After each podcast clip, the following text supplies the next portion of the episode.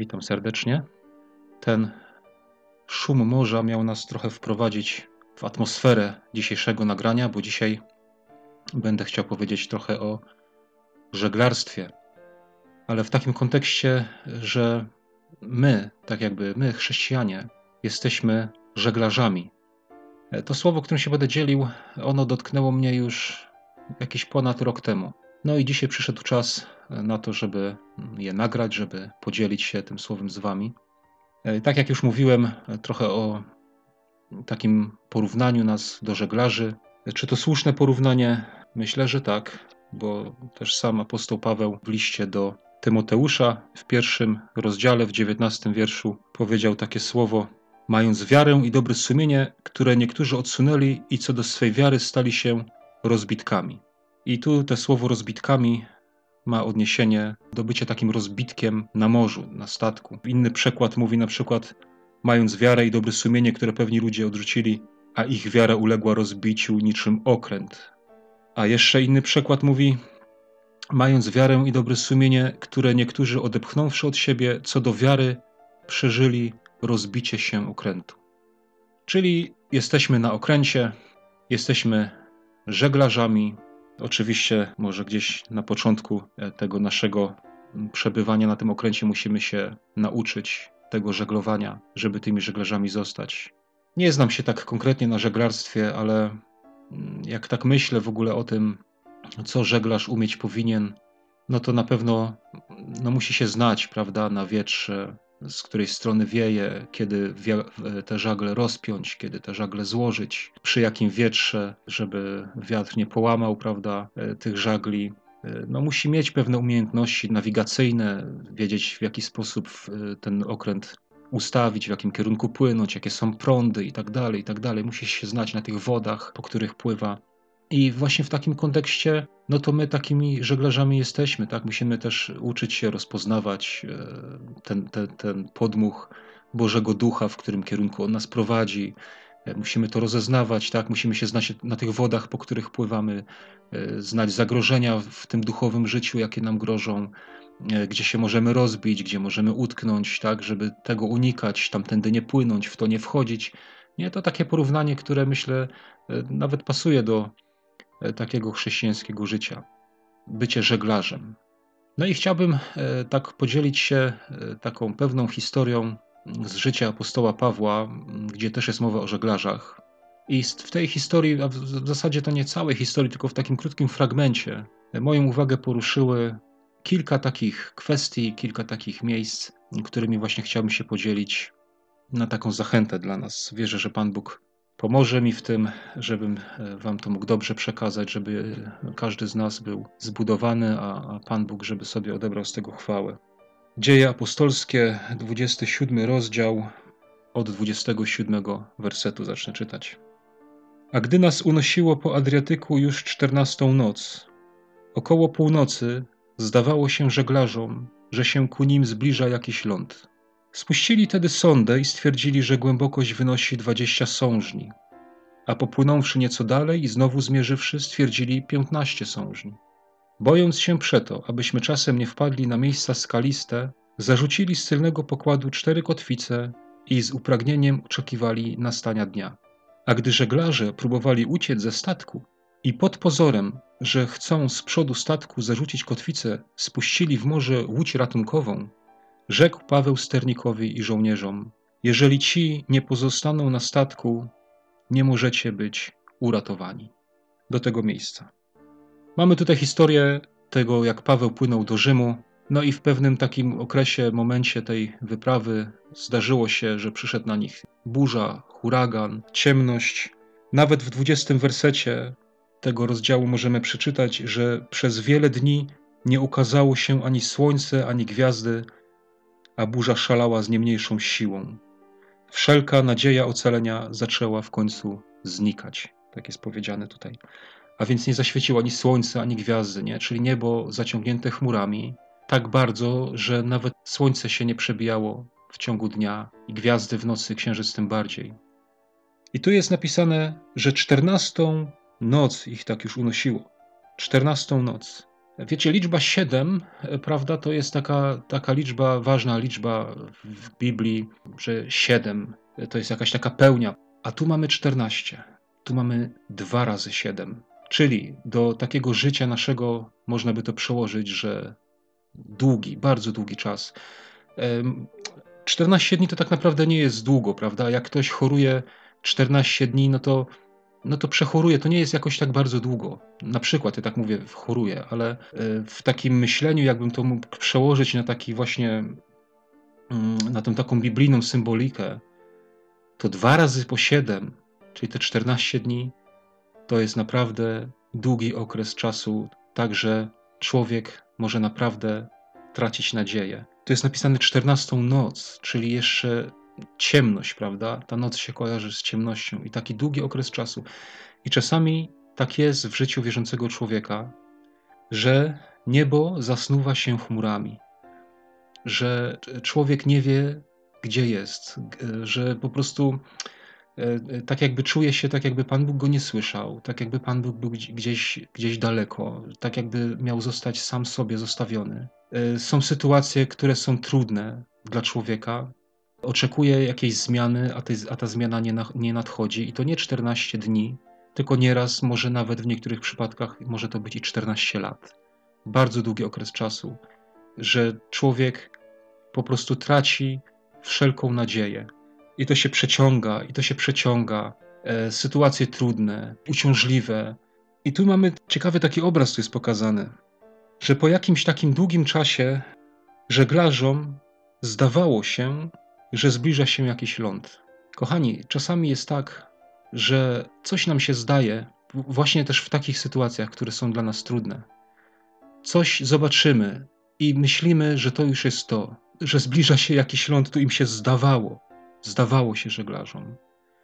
Nam też czasami może się coś zdawać, że wiecie, jakieś zwiastuny, e, e, że coś się kończy, czy że coś się zmienia, ale tak naprawdę to wcale tak być nie musi że coś się zmienia. Ale chcę, co chcę powiedzieć, że jedno jest pewne, że wcześniej czy później sytuacja się zmieni.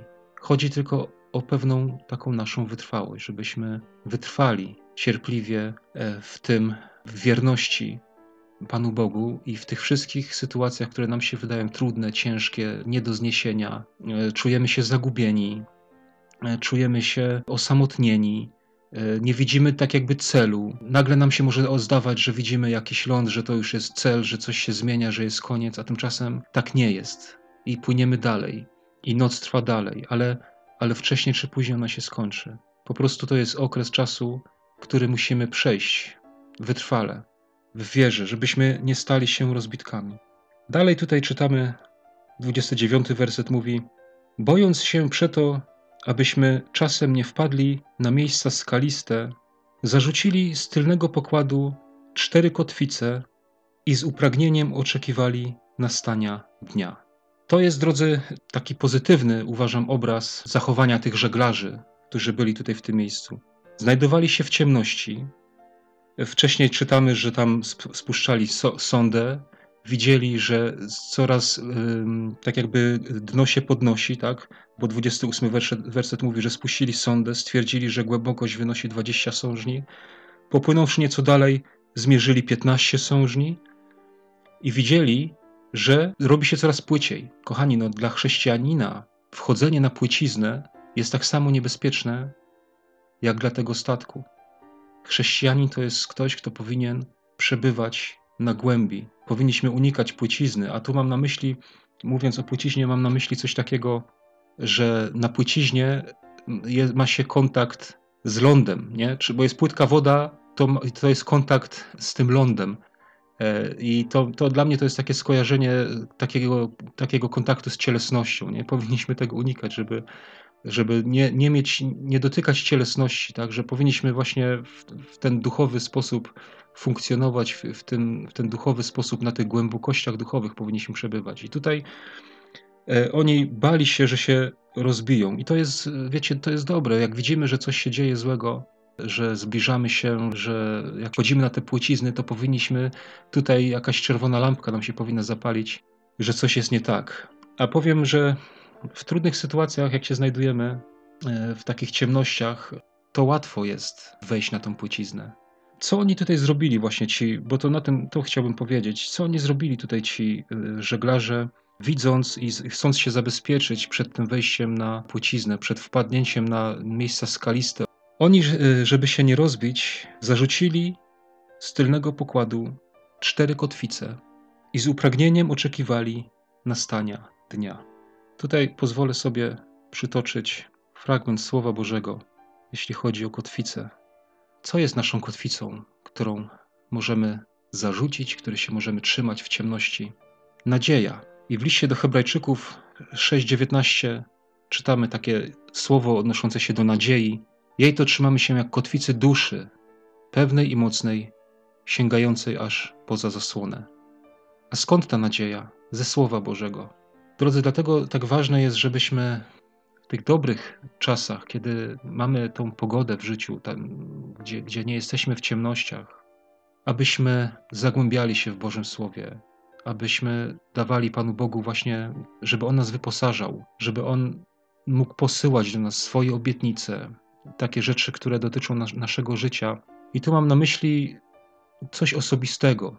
Są takie opracowania, tak, gdzie możesz na przykład sobie kliknąć czy napisać sobie obietnicę z Biblii, tak, obietnicę Boże z Biblii i wyświetli ci się całe mnóstwo różnego rodzaju obietnic wypisanych ze Słowa Bożego.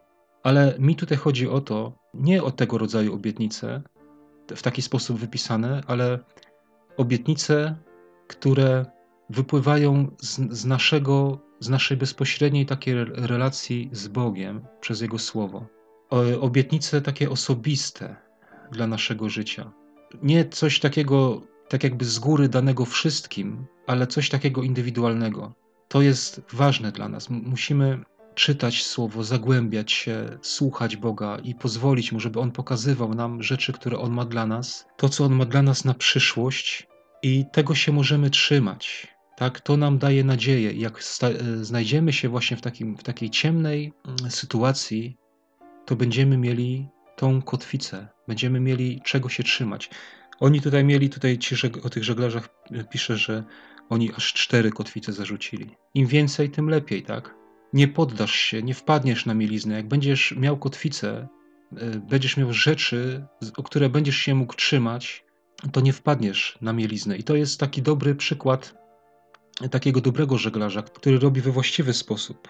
Bo za chwilę będziemy tutaj mieli przykład inne, innego rodzaju żeglarza. Mianowicie tutaj w 30 werset mówi: A gdy żeglarze próbowali uciec ze statku i pod pozorem, że chcą z przodu statku zarzucić kotwicę, spuścili w morze łódź ratunkową.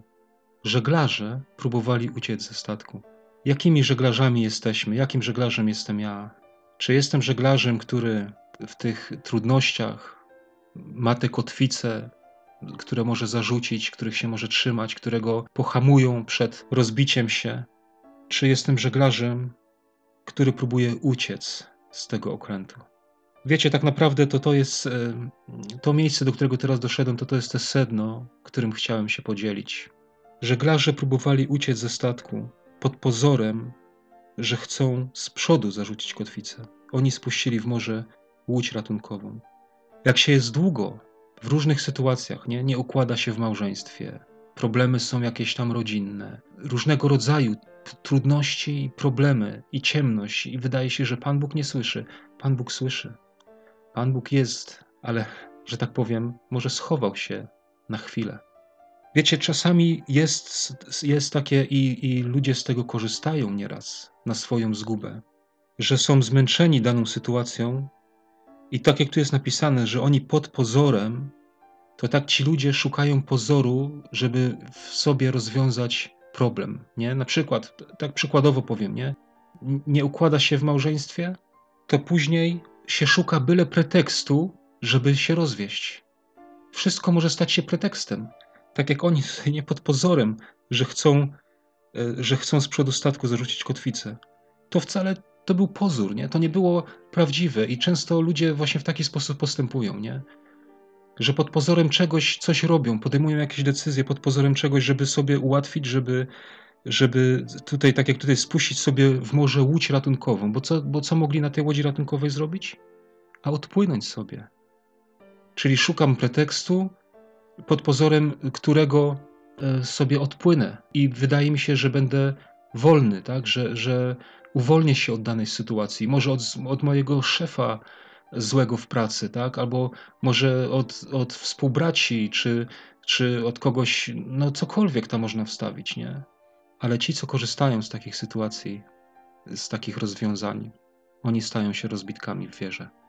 Przychodzi mi tutaj na myśl taki jeden rozbitek w wierze, który miał może pewne plany, pewne oczekiwania odnośnie swojego przebywania i swojego, że tak powiem, związku z Panem Jezusem, a potem, gdy zobaczył, że nie idzie to po jego myśli, że sprawy nie układają się tak, jak on sobie zaplanował, to pod jakimś pozorem odpłynął. Wstał od stołu, wyszedł, poszedł do arcykapłanów, wziął 30 srebrników. Na imię miał Judasz. Jego towarzysze myśleli, że on idzie może coś kupić dla biednych na święto Paschy, albo że coś dokupić na święto, co mogło im brakować. Tak pod pozorem. Tak, kochani, tak jest. Czasami ciemność przychodzi na nasze życie, czasami chmury zaciągają niebo, że go nie widzimy. Trwa to długi, długi czas, że musimy się z czymś zmagać, musimy się z czymś męczyć. Wydaje nam się, że sytuacja jest beznadziejna, że sytuacja się nigdy nie zmieni, że nie ma rozwiązania, ale ważne jest, żeby pozostać na statku. Dlatego, kochani, że Pan Bóg ma pewien plan i On nas powołał nie dla naszych planów, nie dla naszych wizji, ale dla swoich. I nieraz może słyszeliście, bo ja słyszałem wielokrotnie takie stwierdzenie, że przyjdź do Pana Boga, On ma dla ciebie wspaniały plan. Ale to, moi drodzy, jest pewnego rodzaju. Teraz tak myślę, że to jest pewnego rodzaju takie kłamstwo. Bo tak, Bóg ma plan i on może być wspaniały, ale tylko i wyłącznie dlatego, dla którego Pan Bóg będzie wszystkim.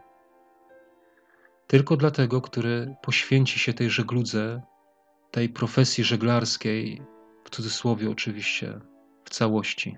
Tylko dlatego Boży plan będzie wspaniały i Boże rozwiązania będą wspaniałe i Boże prowadzenie. Dla człowieka, który ma swój plan, swoje myśli, Boży plan nigdy nie będzie wspaniały, bo one są sobie przeciwne. Nie ulegajmy tego typu retoryce, ani nie mówmy tak innym. Często jest tak, że komuś się powie: przyjdź do Boga, on ma dla ciebie wspaniały plan, a ktoś sobie pomyśli: no to fajnie, to wtedy to przyjdę do Boga i ułoży mi się to, co ja sobie pomyślałem. To, tamto, tamto, wszystko będzie dobrze. A tymczasem co? A tymczasem naciąga ciemność, naciągają chmury. I ktoś sobie pomyśli, co to za plan. Spuszczam łódź ratunkową i do widzenia. I wypływam. Zobaczcie, jaki wspaniały plan. Nie czytamy o apostole Pawle, jak Pan Bóg go używał, ile cudów dokonał, ile ludzi się nawróciło, ile zborów założył. Wspaniały plan. Boży plan. Ale czytamy też o nim, że był kamienowany, że był biczowany, że był w więzieniach, że trzy razy przeżył rozbicie się okrętu. To wszystko było po to, żeby Boży plan się wypełnił. I ciemność, która jest, może teraz, może dzisiaj jest w Twoim życiu, może te chmury, które naciągnęły dzisiaj na Twoje życie, są częścią tego Bożego planu. Bo co, co, co też czytamy dalej tutaj, kochani? Gdy próbowali uciec ci żeglarze, 31 werset mówi: Paweł rzekł setnikowi i żołnierzom: Jeżeli ci nie pozostaną na statku, nie możecie być uratowani. Boży plan to jest ratunek dla innych. Jeśli ty, który przez Boga zostałeś powołany, nie zostaniesz na tym statku, ale pod jakimś pozorem i pod jakimś pretekstem z niego uciekniesz, to wiesz, że ktoś przez to może nie zostać uratowany. Dlatego, że to ty jesteś żeglarzem. Ty znasz Słowo Boże, ty je czytasz, ty się uczysz tej żeglugi, ty się uczysz rozpoznawać głos Ducha Bożego, Jego prowadzenie. Ci ludzie tego nie wiedzą. To byli tutaj więźniowie i żołnierze. Oni potrzebują żeglarzy. Wiesz, że ludzie wokół nas potrzebują żeglarzy. Potrzebują tych, którzy znają, wiedzą, jak się poruszać po tych duchowych wodach. Oni nie znają tego. A my, którzy do Boga należymy, poznajemy albo już poznaliśmy. Wiecie, ja tak mówię, bo to dotyczy nie tylko młodych wierzących, bo też czasami i długo wierzący człowiek może się zmęczyć jakąś sytuacją w swoim życiu i może, może mieć dość. Ale to takie przesłanie, które chcę dzisiaj przekazać, to jest pozostań na statku.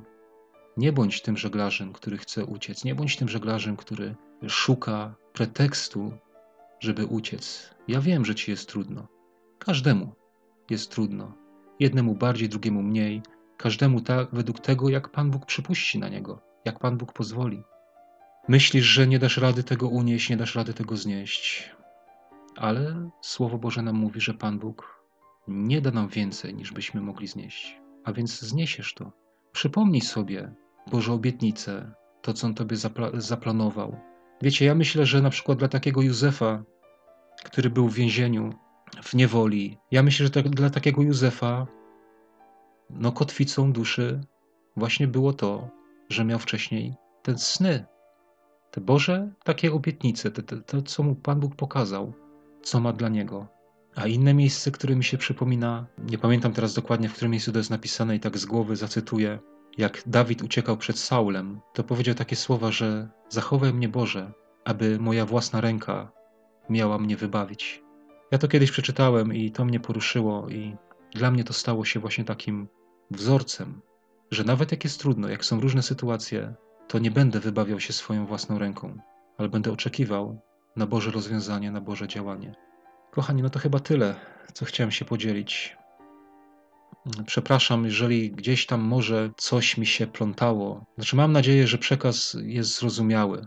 Ale czasami jestem właśnie jak ten żeglarz, taki wiecie, że zanim wypłynę tro, troszkę głębiej, no to muszę od tego brzegu się odbić i to czasami jest takie trochę trudniejsze. Dlatego też, że wiecie, ja wszystko mówię tak z serca.